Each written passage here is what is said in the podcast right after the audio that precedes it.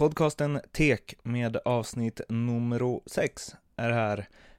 Jag som snackar heter som vanligt Mårten Bergman och gäst denna gång är ingen mindre än eh, Linköpings backbjässe Daniel Rahimi. Det blev ett samtal där vi pratar om rasism inom ishockeyn, om hyschandet mot AIK och det oerhört tuffa livet borta i AHL. Vi pratar också om längtan efter att vinna någonting med Linköping, machokulturen inom ishockeyn och eh, att han aldrig mer tänker kasta handskarna och slåss på en is. Har ni åsikter och tankar om podcasten så är det Twitter som gäller. Där når ni mig på marten med th Bergman. Och om ni inte har Twitter så mejlas det bäst på marten med th igen daniel.bergman.gmail.com Nog ordat istället, så Daniel Rahimi från Saab Arena i Linköping den 22 september. Mycket nöje. Det är inte supermånga spelare i eh, SHL som har en pappa som är från Iran. Eh, och samtidigt är uppväxta i Umeå. Ja, det är lite, lite annorlunda sådär. Eh, som du säger, min pappa han är född i Iran och kom till Sverige när han var 19 eh, tror jag. I samband med revolutionen då, 79. Sen är vi, så han bott i Umeå sedan dess. Hur gammal var han när han fick dig? Uh, oj, måste man börja räkna lite matematik. Men jag skulle gissa, om jag drar en gissning, men han var väl kanske 25 då. Mm. Ska jag tro. Var han liksom, eh, var han hemma i Umeå då? Jag har hört det här på efter, efterhand, det är inte han som, det är mamma som har berättat att eh, han inte riktigt berättade för sina föräldrar förrän han hade oss alla tre. för tanken var väl aldrig att han skulle stanna. Han, han kom då som jag sa då, i samband med revolutionen och, och, tanken var att han skulle plugga i Umeå då, och sen åka tillbaks till Iran. Eh, men fann kärleken som är så underbart. Fick barn eh, och eh, ja, sen blev han fast. Men jag tror hans, eh, i alla fall halva hans hjärta är i alla fall kvar i Iran.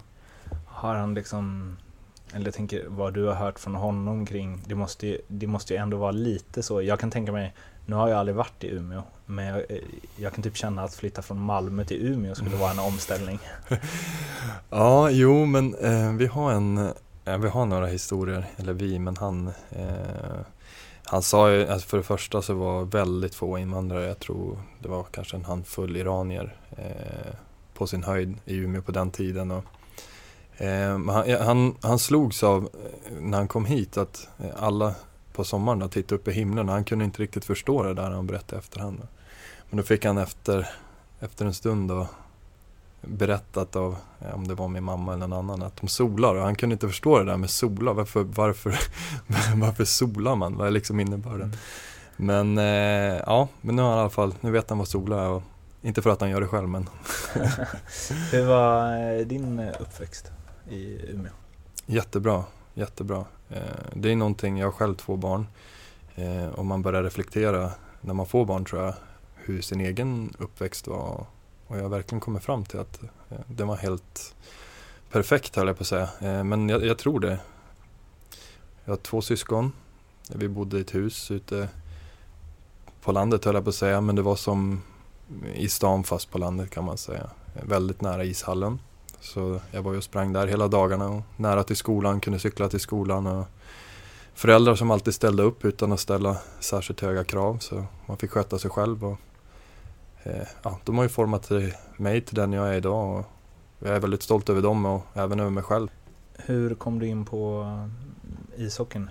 Det är ju, jag tänker att så här, föräldrarna leder en in på det. Eh, och om man då ser på din pappas sida så är det ju inte direkt Irans nationalsport? Eh, nej, verkligen inte. Min, eh, det här är lite omtvistat. Min mamma säger att det var hon som fick mig att börja men jag vill minnas det som att, eh, att det var alla grabbar på kvarteret som spelade och jag tänkte vad jag kan testa. Jag var ganska aktiv som barn. Jag, jag gillade och jag höll på med många sporter. Pingis och eh, fotboll och ja, hockey och såklart eh, skidor. Eh, så jag var ganska aktiv och, och, ville väl testa mycket och fastnade ganska tidigt för hockey. Mm, vad var det du, hur gammal var du och vad var det du fastnade för? Eh, jag var sex år gammal. Jag kan säga min första träning, den kommer jag ihåg än idag. Eller, ja, jag kommer ihåg den. eh, och eh, jag glömde min hjälm och jag kommer ihåg jag grät. Eh, ja, hela, alltså man sitter där i omklädningsrummet och alla föräldrar hjälper en att knyta skridskon och jag hade ingen hjälm. och Jag visste inte var jag skulle ta, ta vägen. Liksom. Men eh, jag fick väl låna någon hjälm. Så det var min start. Men sen eh, föll jag väl för eh, det svåra i hockey egentligen. Alltså att eh, det här med skridskor och klubba, det är så mycket man måste hålla koll på. Eh, så det var en rejäl utmaning. Så mm. det var väl det som jag liksom föll för. Men jag var sex år gammal i alla fall när jag, när jag började och håller på fortfarande. Så att. Vad, vad har du för koppling till eh, Iran idag? Um, min pappa och min mamma åker dit väldigt ofta. Mm. Uh, vi har lite mycket släkt kvar uh, så de är där och hälsar på. Uh, dessvärre har jag aldrig fått själv åka dit på grund av svårt att skaffa visum. Ehm, det är ett ganska knepigt land och det har alltid varit lite oroligt än om det nu inte har varit krig men det har alltid varit oroligt och väldigt svårt för västlänningar att få visum. Eh, och även när jag var under 18 då, så, eller när jag fyllde 18 så eh, riskerar man då att vara tvungen att göra värnplikt i Iran. Och då hade jag börjat spela hockey så att jag var inte så jättesugen på att åka dit och var tvungen att ja, göra lumpen i ett år i, i Iran. Liksom. Så att, eh, det har aldrig blivit av och sen under hockeysäsongen så får man ju bara fyra veckors semester. Och det blir lätt att man, eftersom jag då eh, inte har bott i Umeå då, så har jag alltid känt att jag vill komma hem till Umeå och träffa familj och sådär. Så jag har aldrig åkt dit. Men, men sen läser jag väldigt mycket om Iran och försöker hålla mig uppdaterad. Jag pratar med en del släktingar. Jag hade min faster som var här och hälsade på. Det var hennes första gång då utanför eh, Irans gränser. Så det var väldigt kul att byta den erfarenheten med henne, än om det blev mycket kroppsspråk eftersom hon inte varken pratar engelska eller ja, jag då inte pratar persiska. Så att, um, men det var en väldigt uh, rolig erfarenhet att få se en del av hennes liv och, och liksom man kände direkt att man kom lite närmare lite närmare ja, min pappas uppväxt som jag alltid varit liksom nyfiken på. Tror du att du kommer att åka dit någon gång eller? Ja, men jag hoppas verkligen det. Jag eh, har lovat min pappa och jag har väl lovat mig själv också. Eh, nu är det ju så att jag, har, eh, jag skulle jättegärna vilja uppleva den resan då med min familj. Och jag hoppas att vi någon gång kan lösa visum till alla eller att de kanske lättar lite grann på, på ja, vad säger man, reglerna för att då ta sig in i landet. Eller om man kan lösa någon typ av turistvisum. Men, men vi jobbar på det och jag är jag, jag, hoppas verkligen att inom en framtid jag skulle kunna åka. Jag, jag, är som sagt väldigt nyfiken på, på landet i sig men även att då träffa alla mina släktingar som man oftast bara får se på bild. Ja, det, är, det är många släktingar där? Ja, vi har väldigt många släktingar. Eh, däremot min pappas, eh, de är ju säger, sju syskon. Det var fyra stycken eh, bröder då, och tre, ja, tre av dem, eller två av dem pappa då är i Sverige men två av dem är i, bor i USA. Så de har jag faktiskt hunnit träffa ett par gånger. Vilket är jättekul. Vet de vad, vad du håller på med? Ja, ja faktiskt. De är väldigt intresserade. Eh, och min pappa försöker berätta mycket och de har ju ganska många kanaler så som jag har förstått det har de i alla fall lyckats se någon match där. Men de, jag tror inte de riktigt förstår det. Min faster var väldigt imponerad när jag när jag kom med hockeyutrustning hon trodde väl inte riktigt att det var sant liksom. hon ville hemskt gärna ta bilder så det var ganska roligt. Vad var det för matcher som man får in på? Eh, jag tror att det kan ha varit VM som har kanske gått på någon Eurosport-kanal men mm, de har ju okay. parabol då som de egentligen inte får ha. Eh, men eh, många har ju det såklart. Och de får väl in alla möjliga kanaler så någon match har de lyckats sett i alla fall som jag förstått det. Du, hade du släktingar i USA också? Ja, precis. De såg, såg de dig när du var där eller? Eh, ja, eh, jag träffade en av dem när jag var där Eh, och den andra, han har varit här i Sverige eh, för några år sedan här. Han och hans fru. Så då hann jag träffa dem och umgås med dem. Så det var väldigt, väldigt trevligt. Det är ju lite annorlunda, eh, speciellt om man har en väldigt stor släkt men vet så pass lite om dem så att säga. Mm. Har Iran något hockeylandslag eller? Eh, Jag försöker samla ihop ett här, jag och Rhett. Han är halv, eller kvarts-iranier här så vi försöker få ihop någonting. vi pratar om det varje dag, vi har hittat kemin i alla fall så vi får väl se. Då är det bara ett eh, 20-tal till då som ska... Ja, det är det som är, är kruxet. Vi- Hur går scoutingen? Ja, scoutingen går inte så jättebra. Vi, vi letar febrilt. Mm. jag har inte hittat så många ännu. Ljus och lykta. Mm. Du och jag har ju setts förr. Fyra år sedan gjorde jag ett eh, projekt som hette, eh, ja, det hade väl namnet Hockeyn Zlatan. Där jag hade fått eh, eh, bidrag från eh, eh, Sportjournalistförbundet. Eh, stipendie heter det, hade jag fått av Sportjournalistförbundet för att undersöka hur man ska få fler invandrare att spela ishockey. Då pratade vi en del om eh, rasism och jag tror att det bara var ett par månader efter att det här publicerades så eh, kallade Martin Zeus i Färjestad dig för jävla senare. Är vad som står i artikeln i alla fall.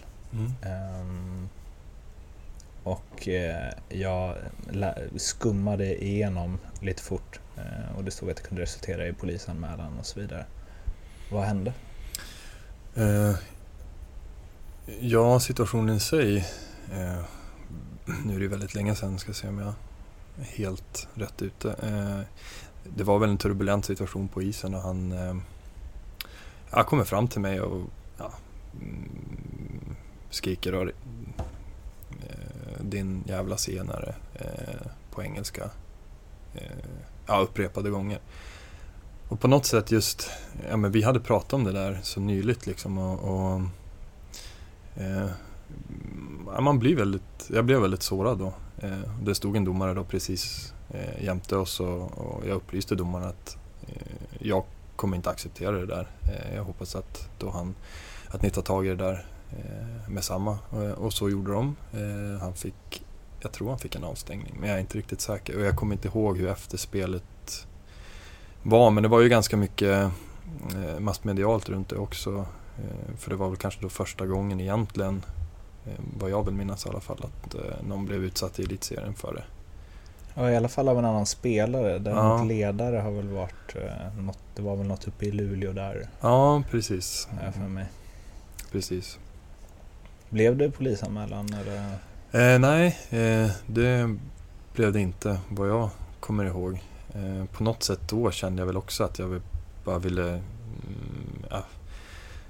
På ett sätt så tycker jag ju såklart att det är väldigt viktigt och, och jag tycker det är viktigt att tas upp och det blev bra för att det blev en diskussion om det och det tror jag var det viktigaste, liksom, att man pratar om det och vad, vad står vi för i elitserien, vad står vi spelare för, är det någonting vi ska acceptera eller något vi inte ska acceptera och så vidare. Så det tyckte jag var bra men just där och då efter ett tag så blev det som Det blev så stort att jag kände bara att jag vill bara spela hockey. Vad, eh, vad sa Martin Zeus efteråt? Eh, jag har inte pratat med han sedan dess. Eh, Du fick ingen ursäkt? Jag, fick, jag har inte fått någon ursäkt. Och det kanske var det jag var mest besviken över på något sätt. Att jag varken han eller någon då från Färjestads ledning kom till mig och sa att det var fel eller att vi ber om ursäkt och så här ska man inte behandla någon annan. Eller vad det nu kan vara.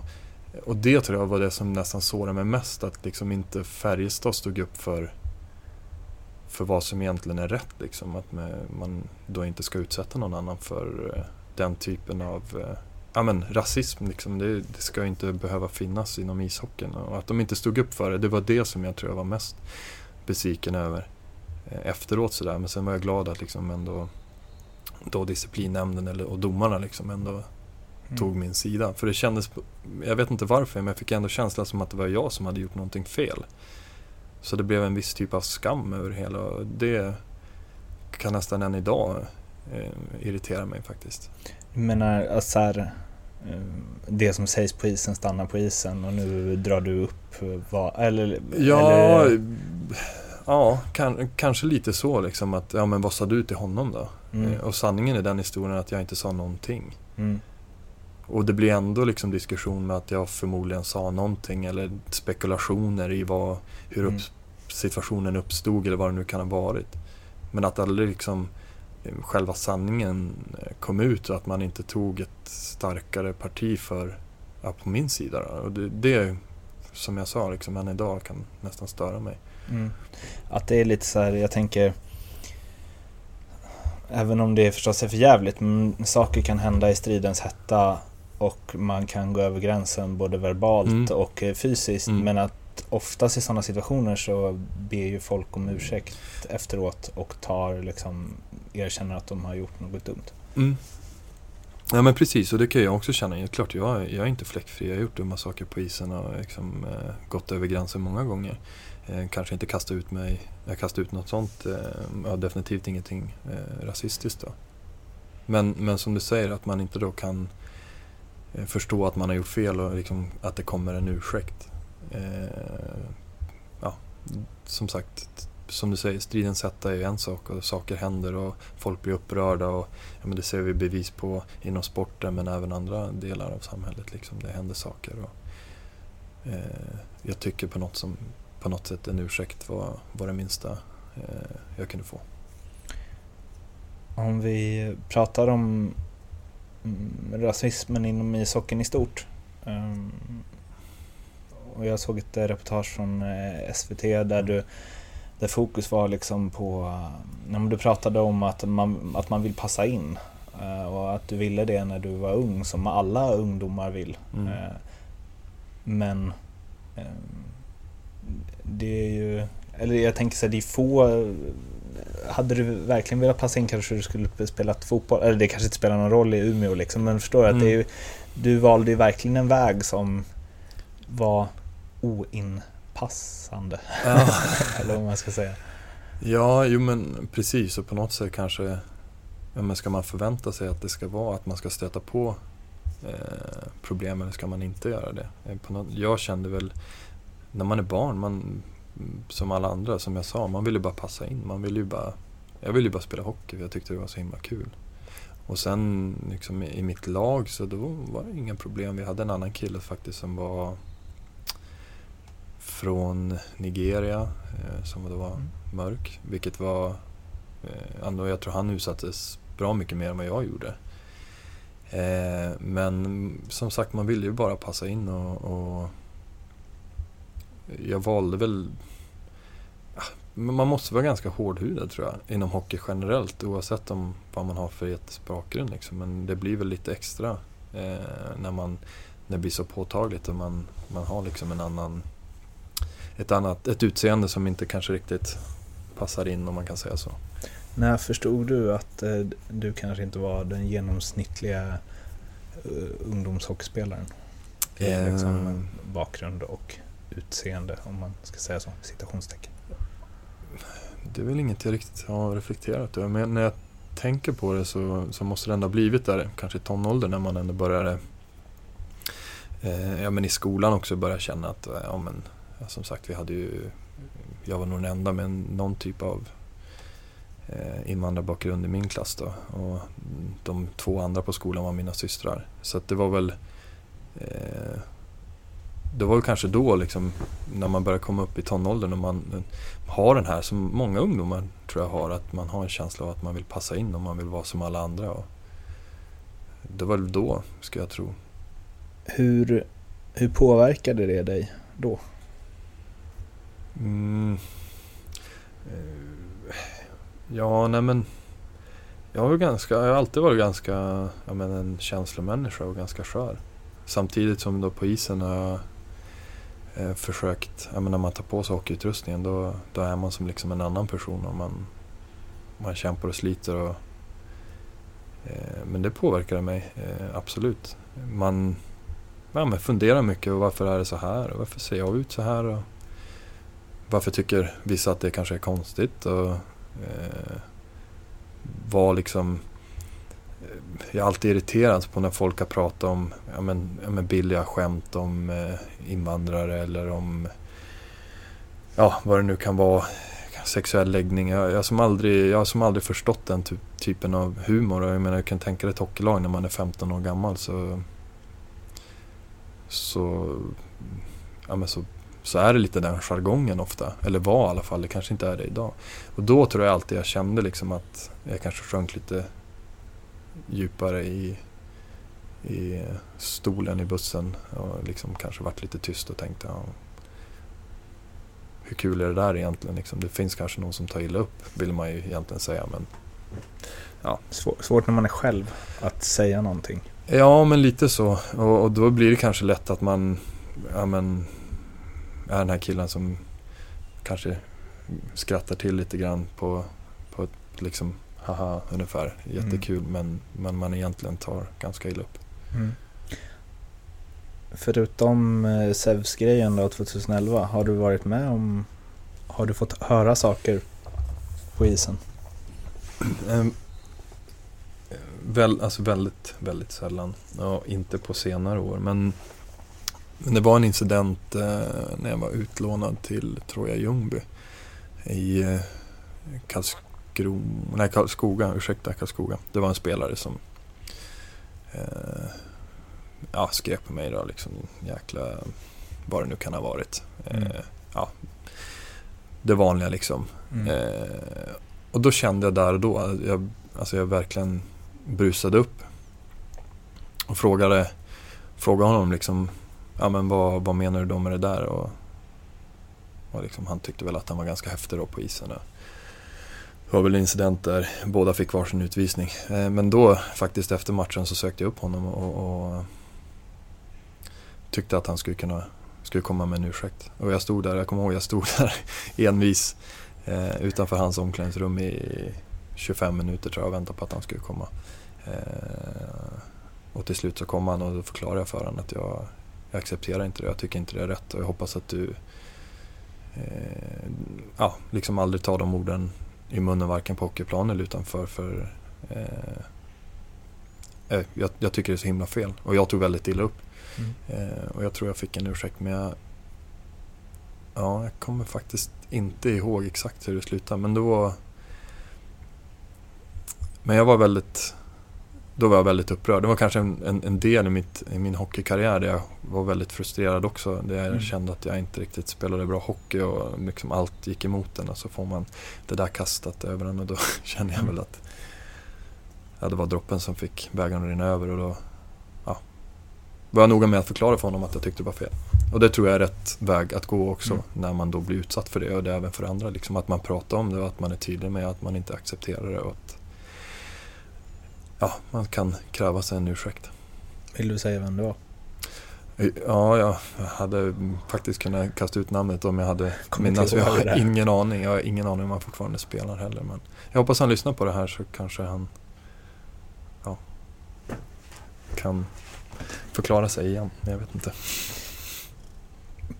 Från liksom publik eh, när du var yngre, från liksom föräldrar, alltså sånt då? Nej, men jag vill ändå se mig som ganska förskonad.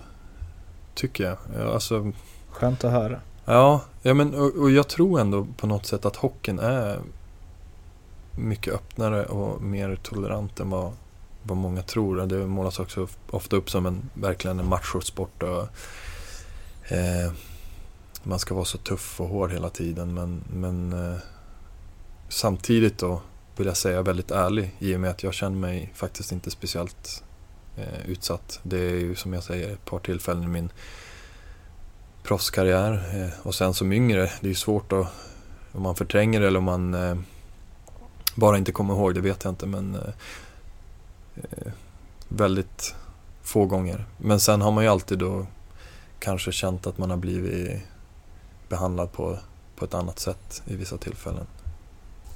Hur mycket känner du att det är viktigt att prata om rasismen inom eh, idrott och att man ska jobba med det kontra att du känner lite som du sa, jag vill bara spela hockey. Jag vill inte göra en grej av det här. Ja. Kan, kan inte alla bara fatta? Jo men någonstans inom mig känner jag såklart så. Eh, att jag, som sagt det, det, är sport och jag vill bara, jag vill bara spela. Och precis som du säger, inte, jag vill att det inte ska vara ett problem. Men det är ju ett problem. Eh, framförallt i samhället. Så därför tror jag det är så viktigt att ändå prata om det och lysa upp det. Och, och, och någonstans eh, det ska vara helt fritt från all typ av rasism. Eh, eh, ja, men en acceptans mot sexuella läggningar eller vad det nu kan vara. Liksom, att man måste respektera varandra. Så är det ju sporten, där ska det verkligen vara en frizon för precis alla. Eh, och där tror jag oavsett bakgrund, sexuell läggning, att man ska ha rätt att bara få vara sig själv utan att någon ska behöva påpeka det eller behandla en på ett annat sätt eller framförallt inte behandla en illa. Mm. Eh, så därför tror jag det är så himla viktigt och ibland så, som nu så pratar jag om det trots att, som jag, ja, som jag var inne på, att man kanske bara ibland bara vill spela och inte tänka på de sakerna. Men jag tror det är viktigt för, för ungdomar, jag tror det är viktigt för alla som utövare och som funderar på att utöva hockey och andra sporter att här eh, här är det öppet liksom, för alla. Mm. Oavsett vem man är så ska man, här ska man få liksom vara sig själv. Litet stickspår på det, för du sa liksom jargongen i omklädningsrum och så och när du var ungdomsspelare och så. Just eh, den biten då med liksom homofobin som oftast målas upp mm. med kopplat till sport och kanske speciellt fotboll, eller speciellt hockey liksom mm. som, som du säger lite match och så. Det finns väl fortfarande inte så vitt jag vet någon hockeyspelare som har eh, sagt att han är homosexuell, mm. tror jag. Nej, det... Medan fotbollen har eh, några liksom mm. som har, mm. har vågat, eh, vågat stå för det. Mm. Eh, eller vad man ska säga. Um, hur är det idag? Alltså omklädningsrum, tugget. Eh, hade, hade man kunnat säga i ett svenskt omklädningsrum att eh, jag är bög liksom och det är lugnt? Absolut, faktiskt. faktiskt, det låter, ska man inte börja säga men i alla fall här, jag kan inte prata om hur det är i andra omklädningsrum. Men i Linköping så känns väldigt öppet.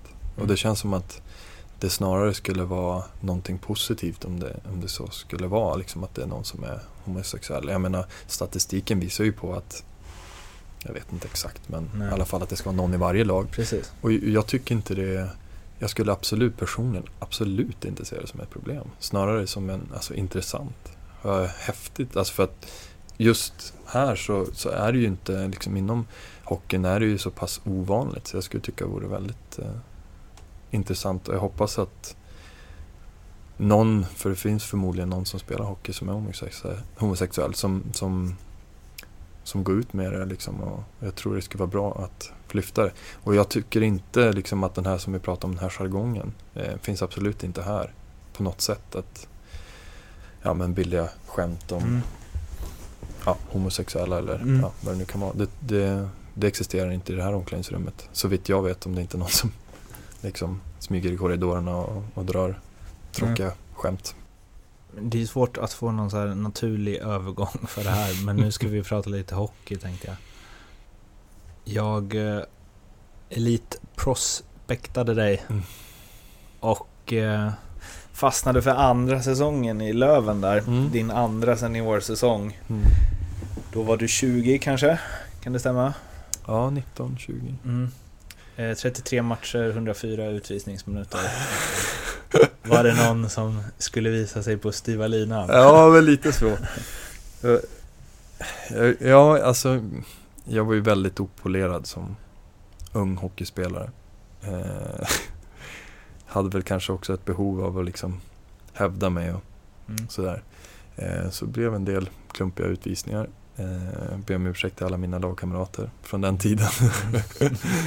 Men, eh, nej, ja. Jag, jag kände väl att jag, min karriär hade gått ganska, från att, ja, ska man fortsätta spela hockey eller vad ska man göra liksom? Kan man, kan man kanske ja, spela ett par år till och har man tur kan man tjäna lite pengar. Tills mm. att jag kom med i, i eh, juniorlandslaget, spelade i JVM det året eller året innan gjorde jag min första juniorlandskamp och, och sen blev jag draftad den sommaren och liksom allt bara öppnade upp sig. Jag tänkte, men, wow, vad är det som händer? Jag, det kanske blir något av mig liksom. Mm. Och det, kom det där från ingenstans? Ja, men lite så. Alltså jag spelade ju då eh, J20 Elite, mm. två år. Eh, så gick vi upp mitt andra år.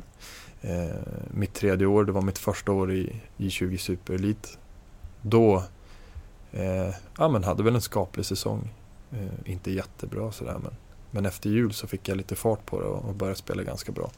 Eh, vi hade en turnering då i Ryssland, med landslaget hade en turnering i Ryssland och det var ett väldigt B-betonat eh, juniorlandslag. Många debutanter, jag tror nästan, ja men säkert 15 spelare liksom var deras första turnering. Och jag fick då chansen och det var eh, för mig liksom helt eh, Ja, det var nog det största ögonblicket i livet. Nästan. Alltså ja. det var verkligen så här, wow, shit och jag ska få med landslaget. Så ja. eh, och den turneringen var det som att, du vet när man, den här känslan av att allt, vad man än gör så blir det bara bra. Ja. jag spelade säkert min livshockey då, eh, förmodligen. Eh, och sen blev jag draftad den sommaren och allt var bara guld och gröna skogar och tänkte att första året i, i Allsvenskan ska bli lika bra. Eh, spelade nog, ja, jag var helt bedrövlig och kände bara frustration hela tiden. Så där har många utvisningar tror jag, för att komma tillbaks till faktiskt sakfrågan. Ja. Jag måste bara stanna lite vid det. Kommer du ihåg när du fick reda på att du skulle få med landslaget? Um, alltså, Ja, jag kommer ihåg att det var efter en, eh, en match vi spelade i i Luleå. Eh, om det var slutspelet kanske till och med. Eh, I U20 Superelit eh, Och Roger Rönnberg var då tränare, eller assisterande tränare i juniorlandslaget.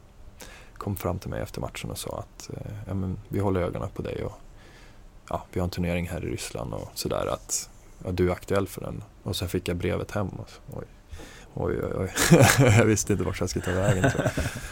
Stolt? Ja, men otroligt stolt. Eh, det var som då jag kände att mm, på något sätt att ja, men det här det kanske blir något av en ändå. Hur, hur långt var det emellan där eh, utvisningssäsongen och att du stack över? Var det säs Nej, va? jo, Säsong. säsongen efter? Ja, precis. Precis. Så eh, drog du till AHL mm. eh, och spelade också i ECHL. Mm. Um, jag eh, har inte sett supermånga matcher från de ligorna. Nej. hur, hur var det? Uh, jättekul. Um, rent på ett personligt plan så tyckte jag det var väldigt spännande och roligt att uppleva ett nytt land och ny kultur och uh, ja, men få spela hockey som proffs på riktigt kanske sådär, flytta hemifrån. Samtidigt som det var ett väldigt, väldigt stort steg och ett alldeles för stort steg för mig då. Eh, jag var inte tillräckligt mogen, tycker jag väl idag i alla fall, då för att flytta sådär och, och spela hockey i USA. Eller Kanada bodde jag, men ja. Eh, så, så rent hockeymässigt så var jag nog bara frustrerad hela första året. Alltså det gick, gick inte alls bra hockeymässigt och man ville så mycket mer. Och när man sådär, jag signade då det år, den sommaren och kände att ja, men jag ska över och jag ska spela NHL. Liksom. Det var det första man tänkte. Sen förstod man att man skulle få spela AHL också men alltså att man, det var som den eh, tron man åkte dit med och så var det som en eh, käftsmäll när man kom dit nästan. Liksom, att, oj. Du var med på campen? Och... Ja, jag var med på campen och sådär.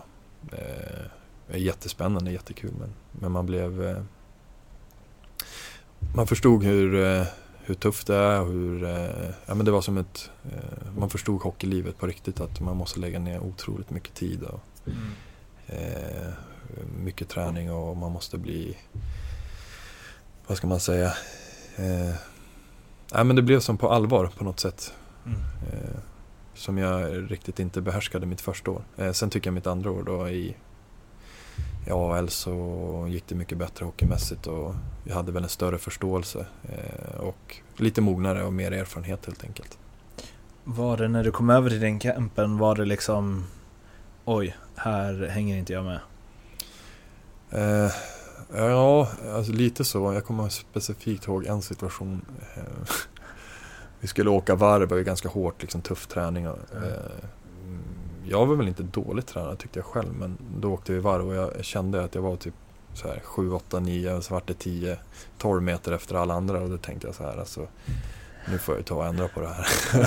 och det var då lite grann jag insåg att nu får jag ta och, och eh, shape upp mig lite grann. Ja, okay. um, ehm, har du något mer eh, liksom, minne därifrån? Jag tänker så här, någon spelare som var väldigt, väldigt bra eller liksom? Eh, det var ju ändå ett steg får man ju säga från allsvenskan till Ja men verkligen. Eh, jag, ja men, bara att träffa Sedinarna, Näslund. Alltså Näslund är ju, tycker jag, en helt fantastisk, eller var då en helt fantastisk spelare. Och, eh, han var kapten då och det var, det var väldigt eh, häftigt. Och det var ju också någonting som, men skulle man åka över idag så skulle man nog inte se det på samma sätt. Och man, det var som allt var så storslaget och mm. stora omklädningsrum och fina hotell. Och så kom man som du sa liksom från från att spela i Allsvenskan och varit helt okej okay, liksom. Men, men, att komma dit och, och, få spela med de spelarna så vart man ju helt, eh, nästan helt ställd till mm. en början. Man har hört att eh, AHL är liksom, alla spelar för sig själva. Eh, det är liksom ganska oglamoröst ändå, mycket resande och man kan skickas upp och ner och hej och hå och man är väldigt så här eh, Ja men att det kanske bara är, det, finns ju en anledning till att det är många svenskar antar jag som hellre vill åka hem och spela i SHL. Liksom. Eh, ja men så är det absolut. Jag menar man spelar 80 matcher, mycket resande. Vi, eh, jag spelade då i Winnipeg och vår närmsta bortamatch var först två timmar flyg och sen ytterligare en timme flyg eller fyra timmar buss. Eh, var borta en vecka, hemma en vecka, borta en vecka, hemma en vecka ungefär. Eh, så det var ju väldigt ogramröst och som du säger, många spelar för sig själv. Man märker att eh, det är ingen lagkänsla på det sättet utan eh, alla som är där vill ju inte vara där, de vill ju vara i NHL såklart. Mm. Mm. Så det blir liksom en känsla av att ja, man, man spelar för sig själv och jag har aldrig varit den typen av spelare som eh, tänker på mig själv utan försöker tänka då på laget i första hand och det mm. blev som eh, lite kortslutning där i början för man förstod inte riktigt hur det var. Eh, mm. Tills man kommer på det efter ett tag och så får man ja, helt enkelt bara se till sin egen prestation hela tiden och, och, och ja, inte tänka så mycket på resultat och sådär. Eh, och det tycker jag, tyckte jag inte alls om. Och det var nog därför jag inte kanske trivdes särskilt bra. Hur är, eh, ja hur säger man, Manitoba? Ja, det är ju Winnipeg. Eh, så det var ju i staden Winnipeg vi var. Ja. Eh, jo men alltså jättebra organisation. Mm. De ville ju hela tiden vara ett NHL-lag. Och de satsade väldigt hårt och skötte det väldigt professionellt sådär runt, mm. Eh, runt hockeyn. Eh, så att eh, det var verkligen förstklassig behandling. Eh, jag tror kanske det bästa stället om man sätter hockey eh, att spela på. Eller det var att spela på, jag vet inte om de har ett lag längre. Mm. Men sen var det väldigt, alltså jag är från Norrland och ganska sådär, inte särskilt frusen av mig, men det var 40 minusgrader från november till februari, ja, in på mars kanske till och med. Så det var, det var kallt. Ja. Ganska ruffig, ruffig stad sådär. Men man hittade sina små gläntor som man, som man gillade. Så att andra året var bra mycket enklare och roligare. Men ändå så vände du hem eller jag inte ja. hem, andra sidan Sverige, Ängelholm. ja. Varför blev det så? Var, ja, dels varför blev det Sverige igen och varför blev det Rögle? Jag var ganska, på något sätt ganska trött på hela situationen liksom. Eh, där borta. Eh, jag kände väl att jag inte fick den, den utvecklingen jag hade önskat i, i Vancouver. Och bad om en trade och drog ut på tiden. Och...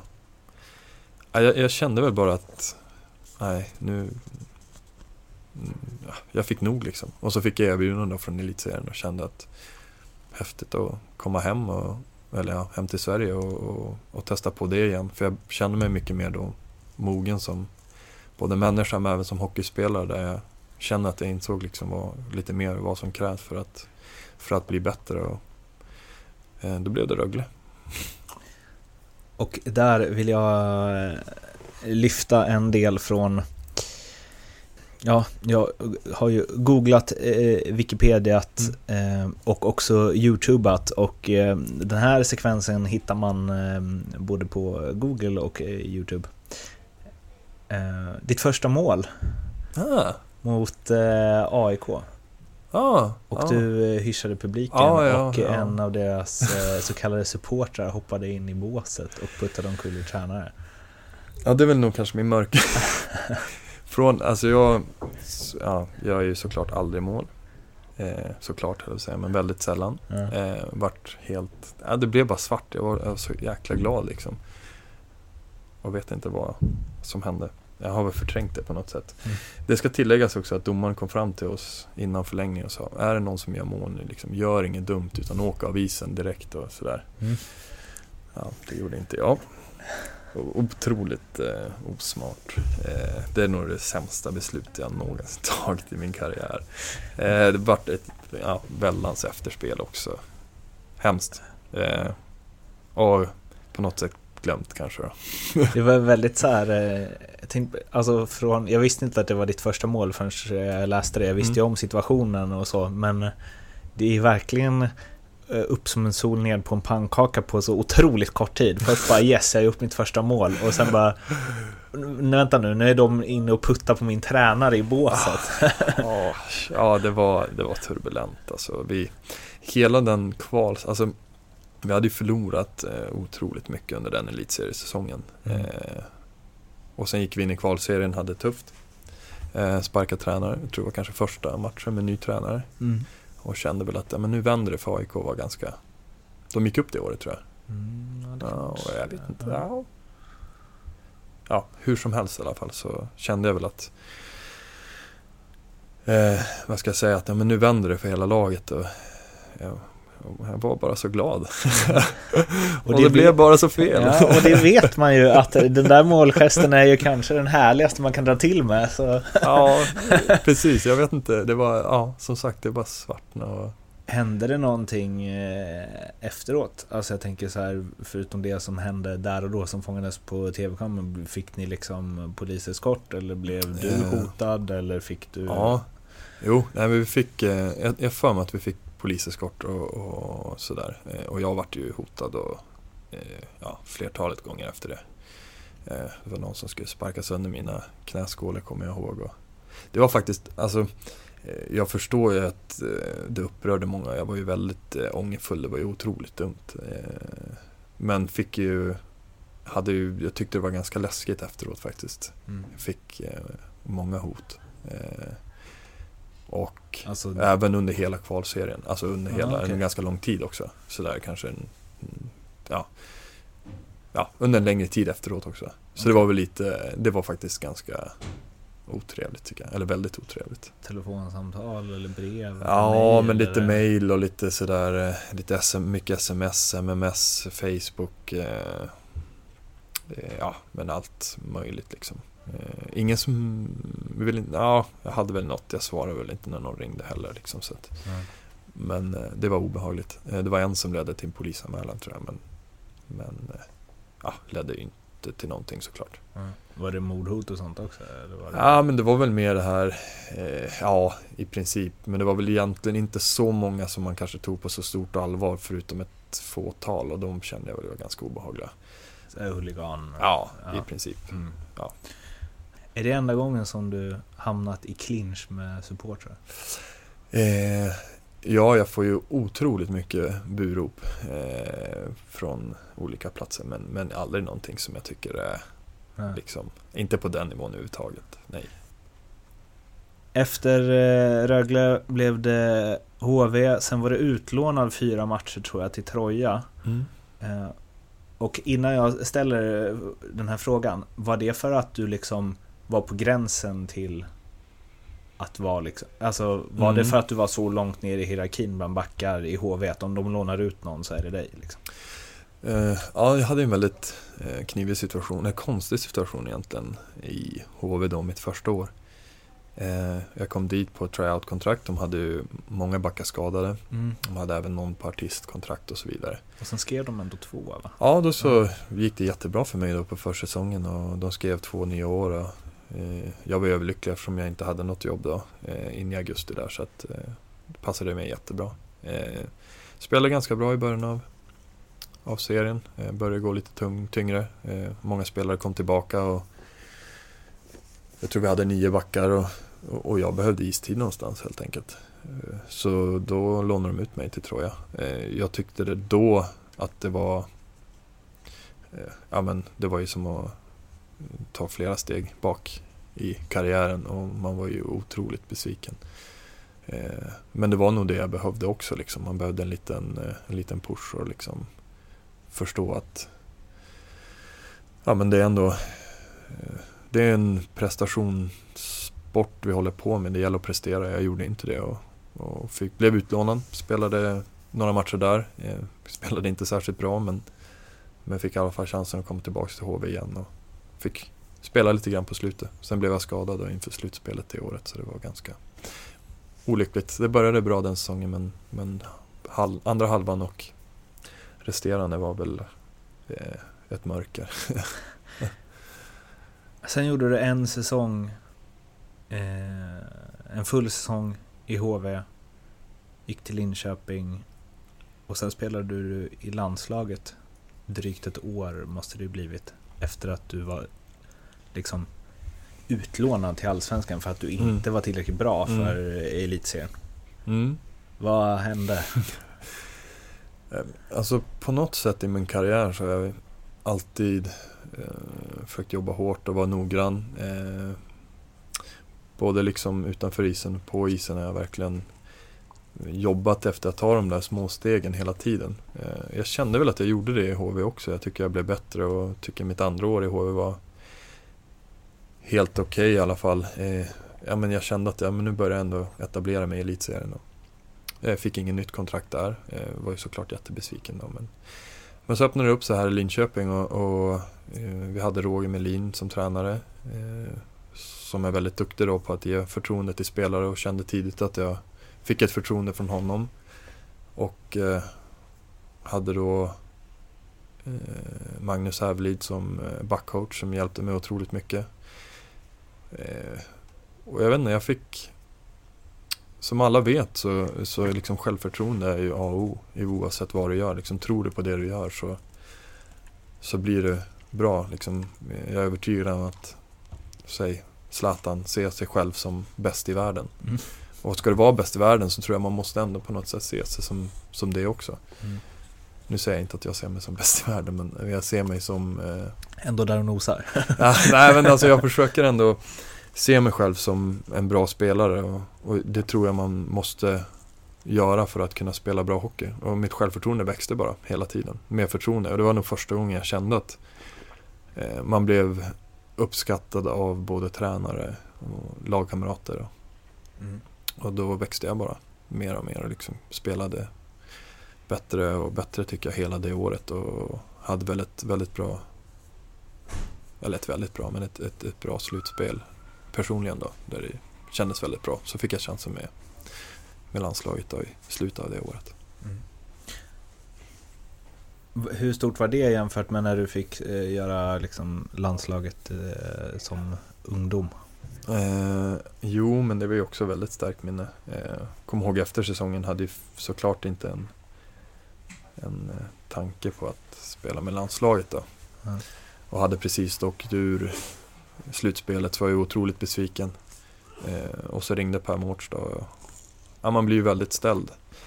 Jag, jag, jag kommer ihåg nästan hur jag, jag, jag, vi satt några killar, det var mitt på dagen och kanske tog kanske någon öl sådär och tänkte att nu har man en lång sommar med mycket träning. Mycket öl. Mycket, ja, ja, det... det med kanske. Det, det kanske ja, det låter vi vara osagt. Eh, ska inte dricka och spela hockey. Eh, eh, men... Eh, och då ringde han och jag kände bara liksom hela... Jag kunde knappt hålla i telefonen.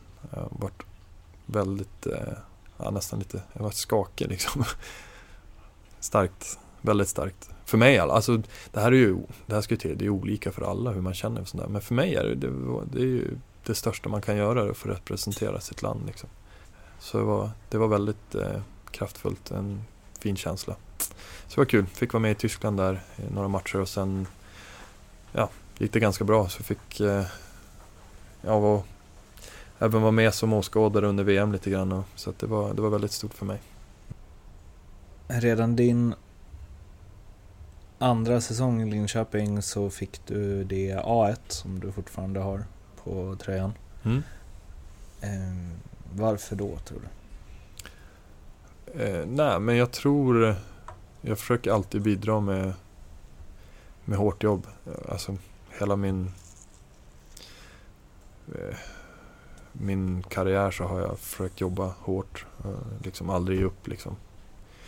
Eh, så det tror jag är en anledning att jag ser mig själv som att stå för någonting på isen som ja, som eh, är positivt tror jag. Eh, sen vet jag inte, jag är ganska lugn och är väl inte alltför stojig sådär i omklädningsrummet men, men är ganska jag tycker själv att jag har båda fötterna på jorden och är ganska sådär lugn. Och det, det, tror jag kan vara till en fördel när man, är, när man har något typ av ansvar som assisterande kapten. Då. Är du en ledare med ord eller med exempel? jag vet inte, alltså det är en bra fråga. Jag försöker såklart sträva efter eh, att eh, leda med exempel då såklart. Eh, det tror jag är det starkaste man kan göra. Eh, men ibland krävs det att man pratar också. Och, eh, ja, när jag gör det så, så försöker jag väl i alla fall säga någonting bra, mm. tror jag. Din eh, landslagskarriär. VM 2014 så skadade du dig. Mm. Fick ett brons och du spelade två matcher. Ja, att bli skadad sådär när det väl gäller som mest så är ju supertrist. Eh, så känner man ju inte alls särskilt delaktig i det. Och året efter var det dags igen. Eh, men då kom Petter Granberg från Toronto och du petades. Mm. Um, hur, hur var det? Eh, ja, men all respekt till de spelarna som var där. Det var ju otroligt bra backuppsättning. Och på något sätt så, eh, jag ska inte säga att jag hade den inställningen, men ändå den vetskapen om att det är tuff konkurrens. Och, eh, ja. Men man blir ju såklart besviken. Jag är ju där för att spela och jag vill bidra och vill hjälpa till. Och, vinna matcher framförallt. Eh, och när man då inte får vara med och göra det så blir man ju besviken helt enkelt. Men eh, fick spela i alla fall mot slutet där och spela en kvartsfinalen mot Ryssland som vi dessvärre förlorade då. Mm. Eh, som ändå som jag tycker ändå kändes eh, ganska bra i alla fall att man fick spela sista matchen och i alla fall slippa sitta på läktaren eller på, på bänken på den. Känner du att där kanske NHL-drömmen drogs bort lite? Om det nu finns någon dröm om NHL, men du förstår vad jag menar? Eh, jo, jo, men det känner jag. Så var det ju, absolut. Det förstod jag ju. Jag visste ju att om jag skulle få en chans så var jag tvungen att göra ett bra, ett bra VM. Eh, så enkelt är det med det. Eh, nu, nu börjar man ändå bli lite äldre och har väl insett att eh, eh den chansen har väl sprungit ifrån en lite grann. Alltså, det är klart på något sätt att man, man alltid vill bli bättre och vill spela på så hög nivå som möjligt. Men, men eh, där och då kändes det som att den sprang iväg och jag känner väl även idag att eh, nu börjar man bli lite äldre och, och det är ju... Ja, det, det, det, det, blir helt enkelt mer en, eh, en dröm än en, eh, en möjlighet, om man ska säga. Har du gett upp det i den mån att du inte funderar på det? Liksom? Ja, det tror jag. Det är inget jag tänker på. Om det skulle vara så att man någon gång ja, skulle få en, en möjlighet så skulle det vara jättekul. Men det är ingenting som jag... Det är inte därför jag tränar hårt eh, och inte därför jag liksom spelar. Jag känner att jag spelar för att vinna ett SM-guld med, med Linköping i år. På något sätt. Jag kan ha fel nu, men eh, om man tänker så här, din spelstil, svenska backar, mm. alltså Jonas Frögren, han kan inte varit purung när han drog över och lirade i Toronto. Han måste vara typ 30. Mm. Eller? Ja, bra fråga. Eh, det ger hopp. man kan när man är äldre. Mange Johansson var ju också en sån Ja, spelare. ja precis. Eh, Ni kanske inte hade exakt samma spelstil? Nej, nej precis. Men sen är det ju med min typ av spelstil också. Eh, det är ganska, det är ju svårt att få det finns många backar i likt, som är stöpta i ganska liknande form Mm. där borta. Eh, Mm. Konkurrensen är ju ganska tuff. Och för att de ska då signa en svensk defensiv back så krävs det att man eh, spelar väldigt bra. Eh, Mm. Och det är klart jag, jag vill spela bra. Men att man eh, till och med kanske... Eh, ja, jag kände väl som sagt att ett bra VM var, var liksom ett, ett måste för att man så ändå skulle kunna vara aktuell för det. Helt Mm. enkelt. Vi rullar vidare till min eh, YouTubning av eh, dig. Och hör och häpna, men det finns en del videos på slagsmål. Eh, I ordningen Jimmy Eriksson, försäsongen i år. Sebastian Sjösten och eh, Tommy Christiansen. Eh, sen så tror jag att det fanns någon AHL-fight och så, men eh, jag nöjde mig med dem. Ehm, innan vi går på djupet med slagsmål så Jimmy Eriksson, alltså han kan vara rätt störig va? Ja, alltså, jag, jag tycker Jimmy är en eh, jättebra spelare. Eh, en bra lagkamrat också. Men han är ju jobbig att möta liksom på isen. Han, eh, för det första är han ju duktig. det är alltid svårt att möta bra spelare. Mm. Men eh, sen är ju, han ligger ju på gränsen tycker jag hela tiden. Eh, till att, eh, ja, han spelar liksom småfult hela tiden. Han har mycket knep och tricks. Mm. Har mycket rävspel. Mm. Men eh, han är en bra, en, bra, en bra spelare. En spelare som jag tror många vill ha i sitt lag. Videosekvensen är ju typ 13 sekunder och börjar mitt i slagsmålet. Det här är alltså under en träningsmatch Mm. eh, som ni vann med 6-0 tror jag. Inför den här säsongen. Alltså var det, hon, var det du som fick det att rinna över för honom eller han som fick det att rinna över för dig? För om det var det senare så är det jäkligt konstigt. Nej men det, eh, det som var var ju att den var ganska, det var en ganska grinig match. Det var många incidenter sen tidigare. Eh, han hade väl, han flög på mig i första perioden och liksom eh, enligt mig kanske helt onödigt liksom började liksom puckla på mig, slå mig. Ja. Och, så, och jag kunde riktigt inte förstå varför då, just då. Eh, och det gjorde mig ganska upprörd liksom att, ja, varför det skulle bli så. Eh, beskyllde mig även för att ha spelat fult och respektlöst liksom. Jag hade inte tagit en enda utvisning, eh, vilket jag tyckte var väldigt konstigt. Sen var det någon tränare i Skellefteåsbå som skrek om att, att han hade, att jag var avslöjad, sa han. Jag, jag vet inte riktigt vad han menade med det. Eh, Jag låter osagt vem, vem det var. Eh, Men då kände jag väl... eh, Får, man, får jag gissa? du får gissa, men jag säger ingenting. Ja, okej. Då tror jag att det var Bert Robertsson. ja. Ja. Eh, Ja, Och, varsågod, eh, fortsätt. Ja, eh, nej men och då eh, kom han väldigt, väldigt sent in i en tackling och sa jag till honom att ja, men eh, ja, vi tar det nu då. Så nu, nu får jag också vara beredd liksom. Och då tyckte han att det lät som en bra idé. Är du och Jimmy kompisar? Eh, ja, alltså mm, Alltså ni har spelat lands... ja, vi har ju spelat ihop, eh, Ja. lagkamrater. Eh, ska jag vilja säga. Men, men jag kommer absolut bra överens med honom. Eh, vi, kommer vi, vi kommer tillbaks eh, till det. Eh, för slagsmål inom hockeyn är ju någonting som eh, delar fans. Mm. Och eh, även utanför eh, de som kollar på hockeyn. Eh, jämförelsen finns ju att eh, man skulle teka innan en boxningsmatch till exempel. Att det är ungefär lika relevant. Eh, Mm.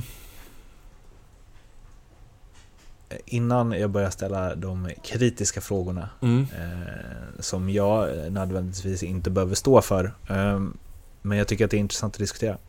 Hur är din syn på eh, slagsmål inom hockeyn om du får orda fritt? Eh, alltså, eh, som du säger, det här är ju verkligen eh, en fråga som delar många. Eh, och eh, jag tycker ju att det är, i grund och botten så tycker jag ju såklart att det är fel. För att liksom, vad, vad ger mig rätten till att slå någon annan liksom? Det är ju helt, egentligen helt absurt. Eh, samtidigt så är det ju en fysisk sport och vi tacklas. Och jag menar, jag åker inte runt och tacklar folk på stan. Om man ska jämföra, liksom dra det, hårdra det sådär. Eh, men, eh, och, och, det är ju som egentligen inte en så stor fråga inom svensk hockey i och med att det sker så himla sällan. Men ibland så tror jag att det på något sätt eh, kan sända signaler inom laget liksom när man tycker någonting är fel. Eller att man tycker att någonting är tokigt. Och då tar man nävarna till. Det låter helt sjukt när jag säger så. Och så har jag pratat om rasism tidigare och att, att, man inte ska tolerera sådana saker. Så det blir ju verkligen fel och jag, jag hör ju hur jag själv låter. Att det blir ju så jäkla motsägelsefullt. Men det ligger, ja, det är väl på något sätt kan jag tycka en liten del av sporten. Jag menar, det finns en regel som säger att man inte får göra det. Det betyder ju att det förekommer. Så att, ja, det var ungefär där jag står. ja, det var tydligt. Eh, allt behöver inte vara svart eller vitt. Kommer du ihåg din första fight?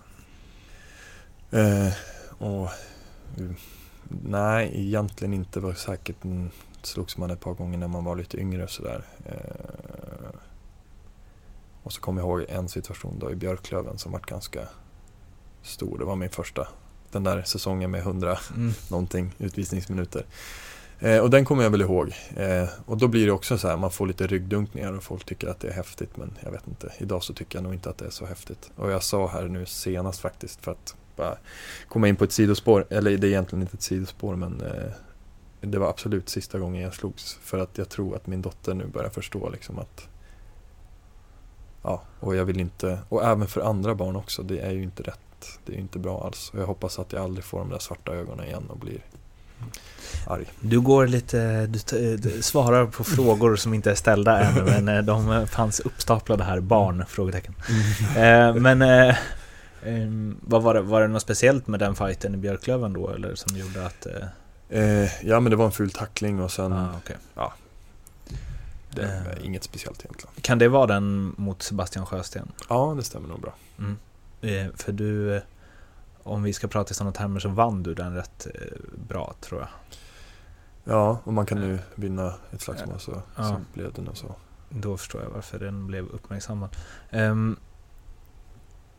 du, du, nämnde det lite fort nu, svarta ögonen, att du inte vill ha dem igen. Vad, um, hur tänker du när du släpper handskarna och slår någon? Första tanken, alltså eh, det här är ju lite knepigt. För att man, eh, det är tillfällen man blir väldigt arg och det bara liksom, det blir så. Och ibland känner man så här, ja jag vill egentligen inte göra det här men, men eh, ja, situationen säger någonstans inom mig att jag, att jag måste göra det. Och det, känns, det känns, brukar inte kännas så kul. Liksom. Mm. Och det kunde jag känna i, speciellt i AL några gånger att jag var ju ingen fighter på något sätt men jag hade ganska många, eller några stycken slagsmål. Liksom. Eh, och då känner man väl att oftast ledde det till att jag tacklade någon eller någon tacklade någon. Och man kände sig tvungen att göra det för att någon oskriven regel säger att det är så det är liksom. Mm. Um, har, du gjort, har du slagit någon utanför ringen? Nej, aldrig. Nej. Jag misstänkte nästan det. Nej och det skulle jag nog aldrig Eh, eller det skulle jag aldrig göra om det inte var liksom en eh, nödsituation. Mm. Men där i AHL kan jag tänka mig att det finns snubbar som åker runt och typ vill slåss för att det är deras väg eh, till mm, NHL. Mm, ja, definitivt. Det finns ju alltid, ett, nu vet jag inte hur det ser ut idag, men jag kan tänka mig att det är ganska likt. Men vi hade ju tre, fyra spelare som, det var som deras uppgift. Och vi pratade om det här på bussen häromdagen. Alltså, eh, vi var några stycken som har ja, speciellt då nordamerikanerna som har spelat AL. Och det, det, var som liksom, ja nu är det igång igen och så var det bara att luta sig tillbaka och titta och så var det slagsmål på slagsmål på slagsmål. Och folk jagade varandra och det var, alltså det blir nästan parodi alltså. Mm. Eh, fansen älskar det och man tänker bara så va, va, vars, vars är jag liksom? Men, hur kom jag, hur hamnade jag här? Mm. Eh, med fansen där och liksom så ansvaret du har när du eh, när du slåss, för man pratar mycket, eller nu kanske hockeyn är ganska förskonad mm. för det och fotbollen i Sverige börjar väl också bli det, men just här eh, slagsmål mellan fans eh, på arenor utanför mm. arenor och så. Eh, och ett argument där är ju i hockeyn, mm. att bara, ni ska inte komma och säga åt oss att inte slåss, för spelarna gör ju det. Ja. Kan du köpa det? Eh, definitivt. Eh, men det ska ju tilläggas att på något sätt, om det, man kan säga så, så är det ju under ordnade former. Fast ändå inte eh, inom hockeyn. Alltså vi har ju utrustning på, alltså vi har ju skydd på oss. Mm. Eh, det är klart det är inte skönt att få sig en smäll men, men eh, det är väl en, som jag sa, det är väl en del av sporten på något konstigt sätt. Och det har alltid varit det. Sen tror jag, det här är bara en gissning, men att det är på väg att lite dö ut för att jag tror folk känner att det ger som, den kulturen börjar som mm, sakta men säkert liksom försvinna. Tror jag. Mm. Men det lever väl lite kvar kanske. Jag gjorde en intervju för länge, länge sedan med eh, han som var först i Sverige tror jag. Eh, jag vet inte om han var först, eh, först svensk eller om han var först att göra det i Sverige, att gå en liksom, MMA-fight i en sån där bur. Mm. Eh, och då sa han att liksom, ja, men då har han ändå fightats på många, på många olika sätt, liksom, mm. många olika kampsporter. Eh, och då sa jag men hur, hur känner du liksom, mm. när du står där i buren? Och då sa han liksom, när de stänger, när de stängde dörren mm. Och det, jag står där mot en annan, mm. då tänker jag bara, vad håller jag på med? Mm. eh, men står där i kallingar mm. liksom och bara Och sen Sanna, då känner jag ju alltså, så mycket adrenalin och att jag är mm. rädd och mm. att jag... Men sen så tas det över av att okej, okay, nu måste jag slå honom så mycket att han inte kan slå mig. Mm. Uh, men då är han ändå... För vi, vi, var faktiskt, vi gick på en hockeymatch tillsammans då när vi mm. gjorde det reportaget. Och då sa han, det är ju någonstans mycket mer kontrollerat för mig än det som händer här. Jag tycker det ser mm. skitläskigt ut mm. Eh, när någon åker in i ryggen på någon, eller där man inte kan vara förberedd, där man inte mm. vet vad som händer. Men jag, tänk, jag tänker att så här, fighter inom hockeyn, där är det ju inte det är inte det sporten är. Och visst, det är så här, ja det kanske, många tycker säkert att det är ärligare än en tackling mm. i ryggen, vilket det kanske är.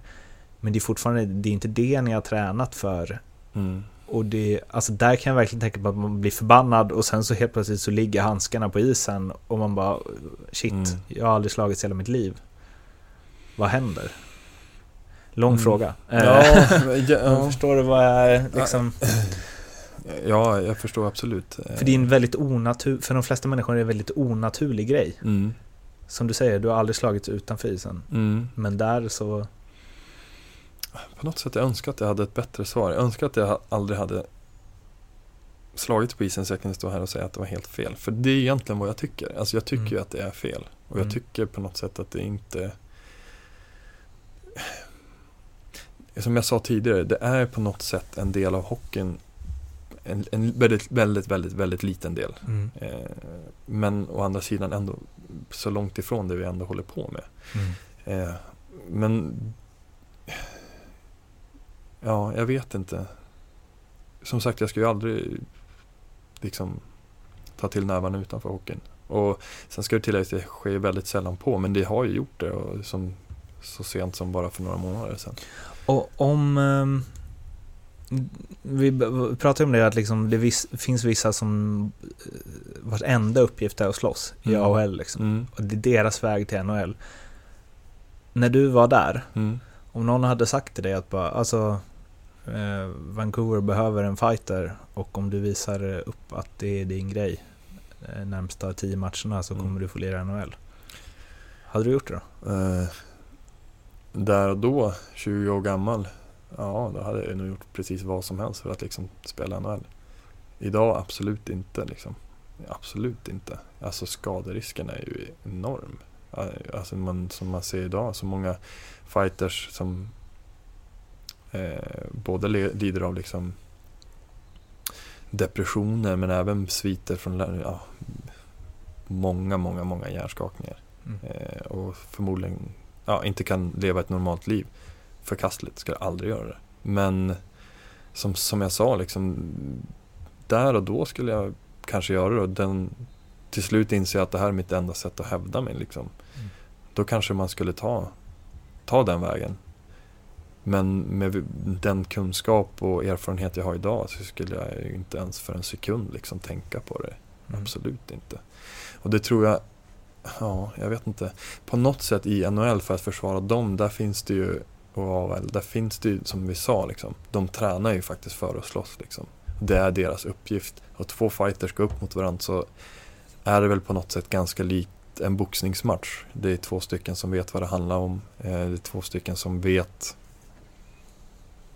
eh, konsekvenserna, vad som kan hända och så vidare. Och, och liksom, det är deras jobb. Eh, här i Sverige så tror jag är mer av en impulsgrej. Mm. Det här som du pratade om att eh, NHL-fighters, ja det är några som har liksom tagit självmord Mm. och djupa depressioner och så. Eh, återigen lite tillbaks till mitt, Mm. min långa rant Mm. om vad man känner när Mm. man vet att man ska slåss mot någon. Kan du förstå att det? Jag kanske inte att de själv, men förstår Mm. depressionen? Ja, och men- Det är många av dem som har pratat om att så här, jag vill aldrig slåss. Mm, ja, Liksom. men det, ja, absolut. Eh, Alltså full förståelse. Eh, eh, eller full förståelse. Både ja och nej. Man kan ju faktiskt säga att jag vill inte spela hockey längre. Mm. Eh, samtidigt kanske är de enda de vet om. Det, är det, enda, Mm. liksom, det, här, är- det här är, vad ska man säga, eh, det här är min uppgift, det här är vad jag kan, det är det enda jag liksom Mm. har koll på och det är det enda jag är bra på. Ens identitet. Ja, ens, precis, enkelt, ens identitet. Och ens levebröd ska ju tilläggas också. Man Mm. kanske skaffar sig vanor som, är, som kräver att man har en lön som är hög och så vidare. Eh, och sen till slut blir det nog så att alla ser en som en fighter eh, och förväntar sig att det ska ske varje kväll eller Mm. vad det nu kan vara. Eh, ja, eh, som sagt, bara liksom bara där har man ju eh, konst, alltså MMA-fighters, jag vet inte hur många fighter de går på ett år. En eller två Ja, kanske. många NHL-fighters slogs ju i princip två gånger i veckan, tre gånger i veckan. Och det kan man ju bara, alltså om man reflekterar över och tänker en stund så måste det vara otroligt jobbigt. Och då tror jag också mycket droger och andra saker blir inblandade i, i det här. Eh, så att eh, absolut inte förvånad över att många lider av, ja, har sviter efteråt liksom av deras fightingkarriär. Mm. Åter sidospår nu när du sa det med droger. Var det inte Viktor Löv va? Som Mm. gick ut och sa att, han, att det var mycket sånt där. Var du med om något sånt? Eh, Eller såg? Så, ja, alltså eh, tyngre droger, nej men alltså eh, Mariana var ju väldigt, väldigt, väldigt utbrett. Det var det ju. I AHL? Liksom. Ja, ja, ja, ja verkligen. Det var det. Eh, mm, det var, Typ som var då efter match? eh, ja alltså, ja, ja, typ efter match eh, skulle förvåna mig, ja men på daglig basis för många. Som Mm. i alla fall, som jag såg. Många kanske överdriver men det man såg, eh, ja, jag, ja, flertalet spelare liksom. Sen kan jag inte svara på för tyngre droger. Det, det har jag ingen aning om liksom. Det såg inte jag men, Mm. men det var väldigt utbrett. Eh, Blev du för, liksom förvånad? Eh, ja, väldigt. Alltså speciellt när man är från Sverige som ändå har eh, Vi har här i Sverige en syn på droger som är, tycker jag, väldigt sund. Liksom Mm. nolltolerans. Eh, där är det en liten annan, alltså kulturellt så tror jag man ser på det på ett annat sätt. Mm. Men sen då att ta det till ett steg att professionella idrottare skulle, att det skulle vara så utbrett, det förvånar mig nog ganska mycket. Eller Mm. det förvånade mig, det gjorde det. Testade du? Eh, nej, Ehm, sista grejen om fighting. Du var inne på det själv. Ehm, hur, hur gamla är dina barn? För det första. Eh, sex månader och två. Och ja, två år, lite mer än två år. Mm. Eh, hur, ja du som sagt du var inne på det, men hur känner du där att liksom eh, Ja, nu var det ju en träningsmatch. Eh, jag vet inte om dina barn var, och, eller tvååringen var och kollade på den? Eh, jo, hon såg den matchen Mm. eh, och har fått berättat för mig efteråt att de blev väldigt rädda men förstod väl inte att det var jag, det var kanske mer att publiken började ropa. Men det jag mest kanske fick nästan lite ont i magen, eller jag fick ont i magen av eh, var när jag kom hem och så vi började prata om det vid köksbordet, jag och min sambo. Och hon berättade att ja, men barn i liksom 7-8 års åldern tycker verkligen att det var stencoolt och går runt och boxar på varandra och säger att de är mig eller någon annan liksom och sådär. Och då kände man ju verkligen att eh, hur eh, fel det är liksom. Då känner man ju direkt att eh, men det här är inte bra. Liksom. Jag, vill, det är inte, jag står ju inte för det där. Så att eh, det kände jag väl väldigt starkt sådär efteråt att nej, nu hoppas jag att det aldrig behöver ske igen. Mm. Ehm, vad tycker din sambo om det? Nej, hon har ju vi har varit tillsammans i tio år Mm. och hon har ju följt mig och hon vet väl vem, vad jag är och vem jag är. Så Mm. hon tycker väl inte att det är så här jättekonstigt. Mm. Eh, men rent du som vi sa, liksom, att här, om man ska då vara en förebild, liksom, då kan man inte stå för sådana saker. Mm. Så det tycker hon väl. Sen tror hon, hon väl mer i mitt ansikte ser så att allting är där Mm. det ska. Hon Mm. brukar rätta mig för att man har sned näsa och Är det efter en fight eller? Eh, Ja, den här den, den har fått ganska många Ja, smällar. det är konstruktion under lång tid. mm. Eh, så, men du kommer inte slåss något mer alltså? Ja, jag väntade bara på att du skulle fråga. Jag vill ju säga nej. Eh, och det, eh, som jag har sagt det, det låter så motsägelsefullt det här när jag har stått och suttit här och pratat om att man, hur fel det är. Eh, men jag kan ju absolut såklart inte lova att det aldrig kommer ske igen. Men, men jag kommer nog göra mer för att undvika det. Det låter också konstigt för det är ju fortfarande ett val man har. Mm. Eh, jätte, ja, jättemärkligt Mm. svar av mig. Ja, vi kanske kan. Du, du vill försöka, du kommer göra allt du kan för att inte slåss igen Men eh, om det händer så vill du inte att någon ska komma och säga Du har faktiskt lovat i den här podcasten Nej, Exakt. Okej, jag fattar eh, En eh, sista grej från Youtube, eh, Youtubandet eh, Det finns Jag tror att det är, jo, men det, jag tror att det är därifrån Eller om det var från googlandet Jag blandar ihop dem lite, men det är samma företag som äger båda så det är strunt samma Erkänner, Daniel Rahimi erkänner fusk tror jag rubriken är. Det är när du tacklar en målbur mot Finland. Ni vinner med 3-0. Mm. Ehm, och frågan eh, från det blir hur mycket är du liksom beredd att göra för att vinna? Hur mycket av, av det den hockeyspelare du är är en produkt av talang och hur mycket av en enorm vinnarskalle? Liksom? Eh, på som sista frågan så är, är ju, har jag ju väldigt Alltså jag har en talang i det att jag har tränat, kan träna mycket Mm. och liksom genetiskt så har jag en kropp som är bra byggd för att spela hockey tror jag. Eh, bolltalang ligga på minus. det har jag enbart fått träna upp eh, och har tränat otroligt hårt under min karriär och är den som eh, skulle aldrig fuska i på isen eller i gymmet. Men när det gäller att vinna som i det, just det fallet så eh, ja, hade jag absolut inga problem med att liksom utnyttja systemet till, att, till ens fördel. Eh, men sen eh, kommer man ju då kanske vidare till att ja, filma och sådana saker. Eh, det skulle jag nog aldrig göra. Det tycker jag på något sätt är eh, väldigt fel. Eh, men eh, Men hur mycket är du liksom Hur mycket är du Hade, du, hade det kunnat vara liksom pff, Schack, baseball, eh, fotboll Hade kunnat vara, eh, handlar det om att vinna eller handlar det om att spela hockey? eh, bara hockey. Okej. Jag är alltså noll vinnarskalle Okay. Utanför hockeyn. jag, Okej, okay, noll är väl att överdriva, men alltså spelar vi sällskapsspel. Jag vill nästan inte ens vinna för jag vill att alla ska vara glada. Ja, okay. eh, lite, alltså där, ja, inga problem med att förlora i något eh, typ av spel eller på, liksom, på den nivån. Men när det kommer till hockeyn så då, där är liksom, där vill jag verkligen vinna. Av någon, om det är kanske någon sån här yrkes eh, professionellt, jag vet inte. Eh, nej, där, det är som mitt jag vet inte, det, jag vet inte hur jag ska förklara det men hockeyn är det heligaste.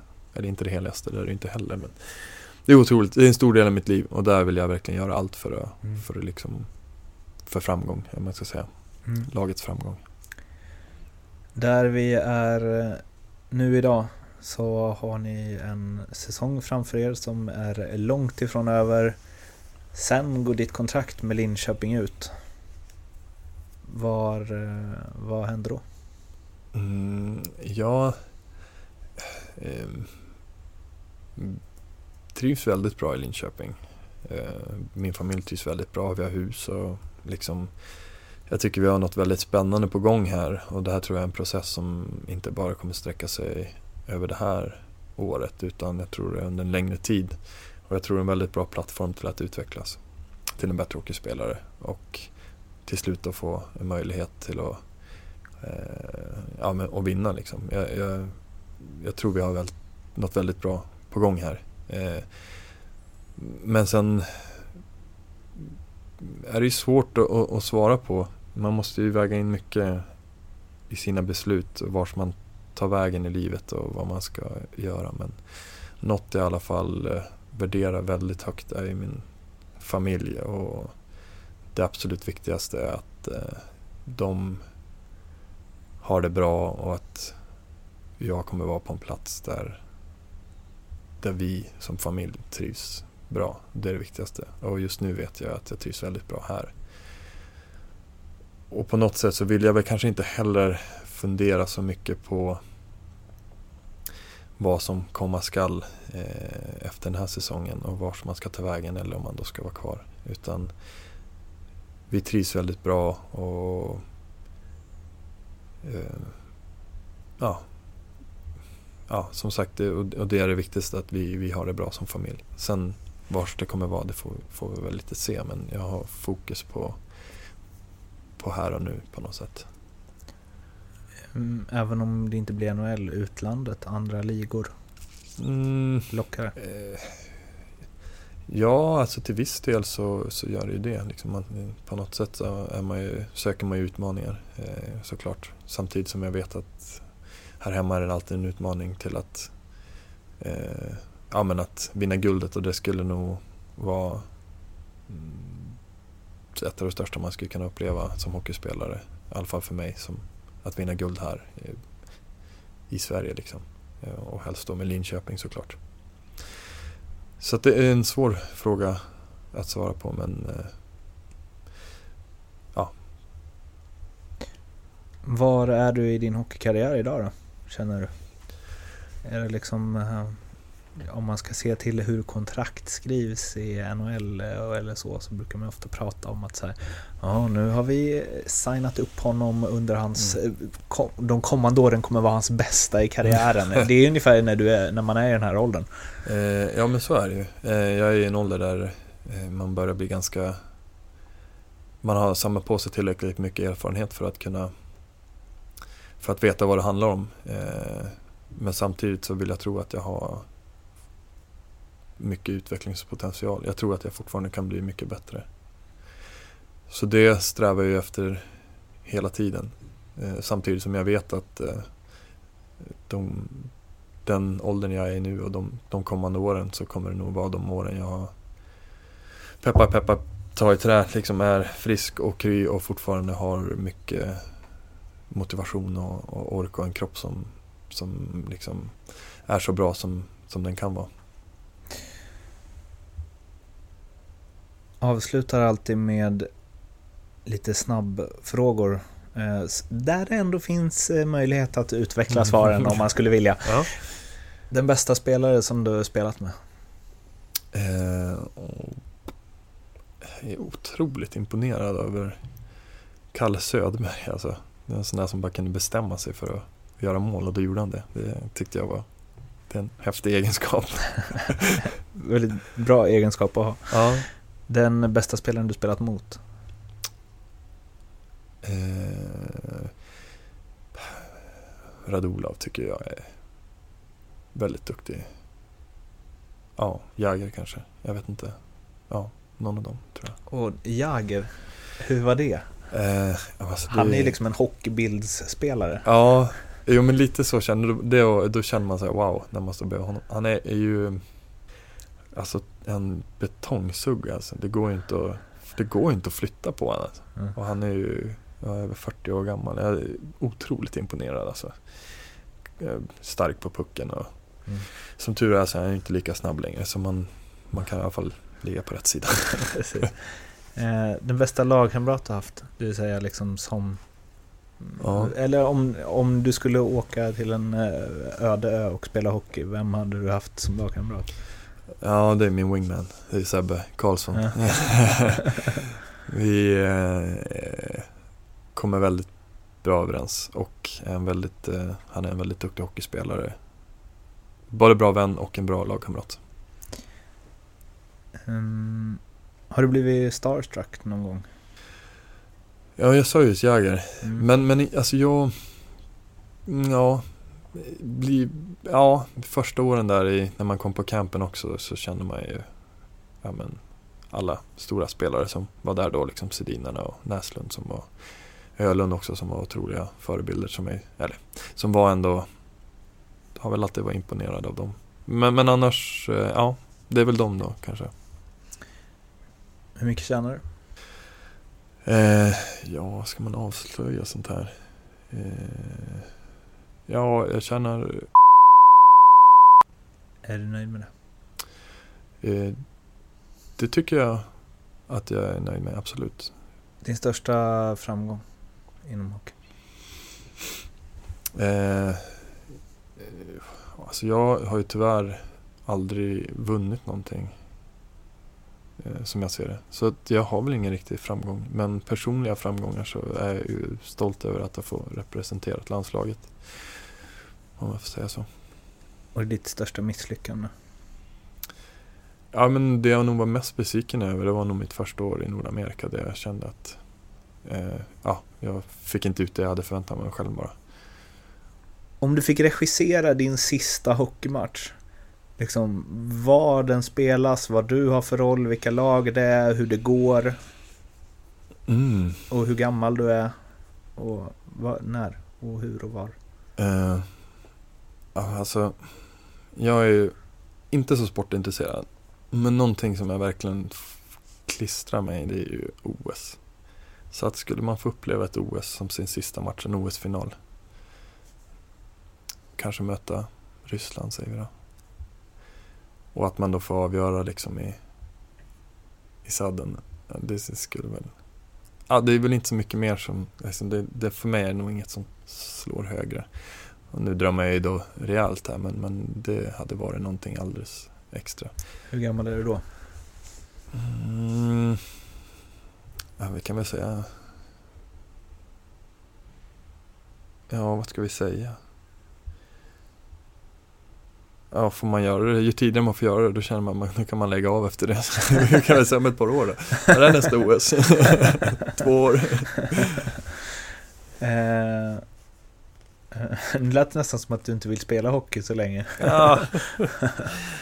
jo, jag tycker hockey faktiskt är väldigt kul. Men eh, har man gjort något sånt så tror jag inte finns så mycket mer att uppleva inom sporten. Mm. Hyschar du då den ryska publiken när du har Ja. avgjort? Nej, det har jag gjort för sista gången. Vem skulle du vilja höra i den här podcasten? Eh, ja, vi har ju eh, Roger Melin. Mm.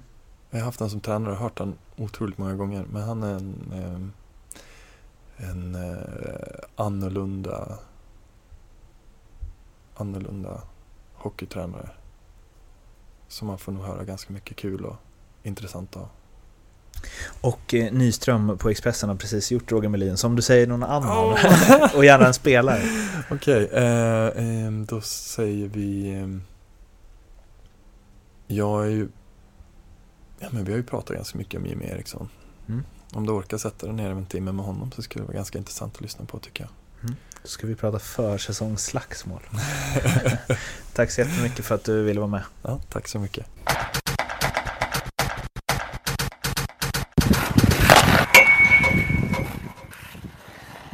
Avsnitt 6 med Daniel Rahimi var där slut. Jag hoppas att ni diggade det hela och eh, gjorde ni det så finns det fler poddar, det vill säga de tidigare, från eh, podcasten Tek Eh, på NordicBets kanaler på Soundcloud eller iTunes. Där söker ni bara på NordicBet eller på Tek helt enkelt. Nästa vecka så väntar en intervju med en eh, Brynäs-forward som hade ett eh, minst sagt tufft fjolår men tills dess, ha det fint så hörs vi. Ciao!